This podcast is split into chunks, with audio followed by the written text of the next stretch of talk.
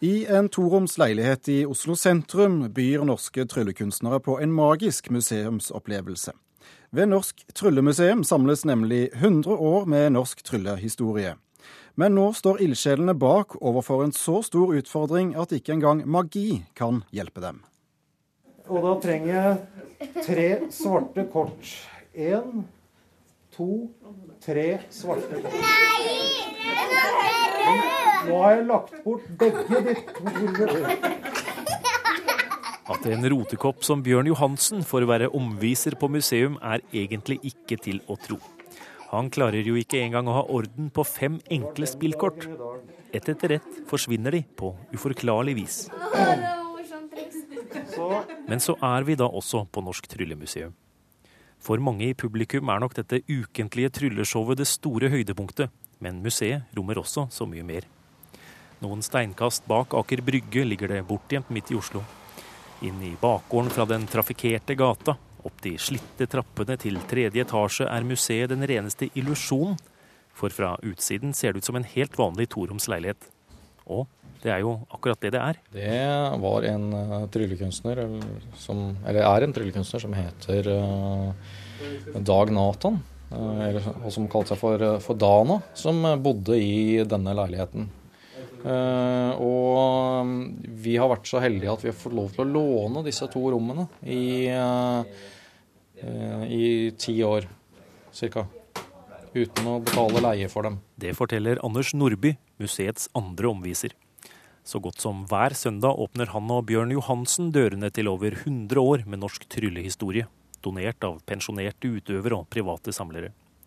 Stive flosshatter hviler over mørke dresser, sverd og giljotiner glinser spisst fra et hjørne. Mystiske vesker og begre holder hemmelighetene sine for seg selv i lukkede monter, og på veggene henger det ene elegante navnet etter det andre. Bushido, Arnsteino, eh, Danilo, Løsacco. Videre så har vi eh, plakater eh, fra Ledang. Han var jo trønder og het Leddang. Men eh, det lød jo ikke så, så internasjonalt og spennende, så han slank inn en apostrof etter LE, så ble det L-dang, som høres litt mer eh, internasjonalt og, og, spennende ut. Det ligger noen våpen her også, det kan gå hardt for seg på tryllescenen? Det kan det. Det er jo til og med folk som har dødd av å drive med trylling. Et av de mest kjente tryllenumrene, og også regnes som et av de de farligste er det som vi på norsk kaller kulefangsten, som går ut på at tryllekunstneren står et stykke unna tilskueren. Tilskueren får en pistol og blir bedt om å skyte på tryllekunstneren, og han fanger da kulen mellom tennene. Har du prøvd det selv? Det har jeg ikke prøvd selv. Men det hører da med til den historien at dette trikset har gått galt flere ganger i historien, og tryllekunstneren har blitt skutt på ordentlig. Dramatisk er det også for fremtiden til Tryllemuseet, forteller Nordby litt senere i omvisningen. Men enn så lenge henger svart-hvitt-bildet av magikeren Egelo der, som et falmet glimt inn i det uforståelige. Nederst her ser vi en uh, tidligere turistsjef i Oslo, uh, Alfhild Hovdan, som da tydeligvis var turistsjef i 1965, uh, som uh, svever sånn ca. 50 cm over bakken. Med Egelo, eller Egil Berg som han egentlig heter, stående i bakgrunnen. Hvordan gjør han dette? Ja, Det er hemmelig. Jeg svarer jo ikke på hemmelighetene. Det må man finne ut på annen måte. Da er vi kommet til finalen. Det kalles begerspillet. Og for å gjøre det så trenger man tre begere. Én, to tre begre. Dessuten trenger man tre små baller. Museets høydepunkt, trylleshowet, starter hver søndag klokka to.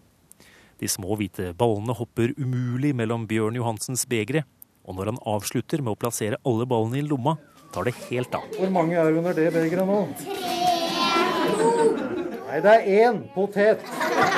Det er en tomat, og det er en sitron, og det var showet. Blant publikum klapper ti år gamle Oskar og pappa Arild Eliassen begeistret. Det var helt fantastisk. Ble du overraska, eller? Ja, i hvert fall på den siste med potet, sitron og tomat. Hvordan, hvordan gjorde han det, tror du? da? Jeg har ikke peiling. Det var kjempegøy. Ja, det var virkelig, virkelig moro. hvordan vil du sammenligne det med andre museer? Det er mye mer aktivt. da, altså Du deltar jo i, men du går ikke bare og ser på ting. Men du får jo snakke med de som driver med det, og de forteller og tar triks. og Utrolig gøy for ungene. Men nå er museets framtid uviss. Etasjen de har fått låne gratis i ti år skal bygges om, og tryllekunstnerne må ut innen utgangen av året. Og i så, den forbindelse så er vi nødt til å finne et annet sted å være. Men uh, leiesummen på kroner null i året er litt vanskelig å, å finne mange andre tilbydere som, som tilbyr. Hva tenker dere om det? Så kan det bli slutten på Tryllemuseet, eller?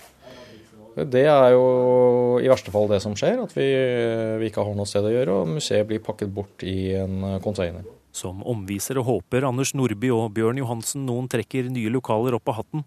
For verden trenger magi, og Norge trenger et tryllemuseum. Vi har jo folk her så å si hver søndag er det fra 15 til 25. I dag var det tett oppunder 30. Og vi har hatt helt opp i 70, så det er jo tydeligvis et behov for det. Jeg syns det er morsomt å ha et sted som viser en side av norsk kulturhistorie som ikke så mange kjenner til. Uh, og jeg syns det er morsomt at det er et av de få stedene som vi, vi har hvor folk kan komme og helt gratis få se uh, levende trylling utført av dagens tryllekunstnere. Jeg sier som Arnardo, hvis dere likte det dere så her, så fortell det til alle dere kjenner. Hvis, er noe, hvis det er noe dere ikke liker, likte, så fortell det til meg, så skal jeg sørge for at det ikke kommer videre.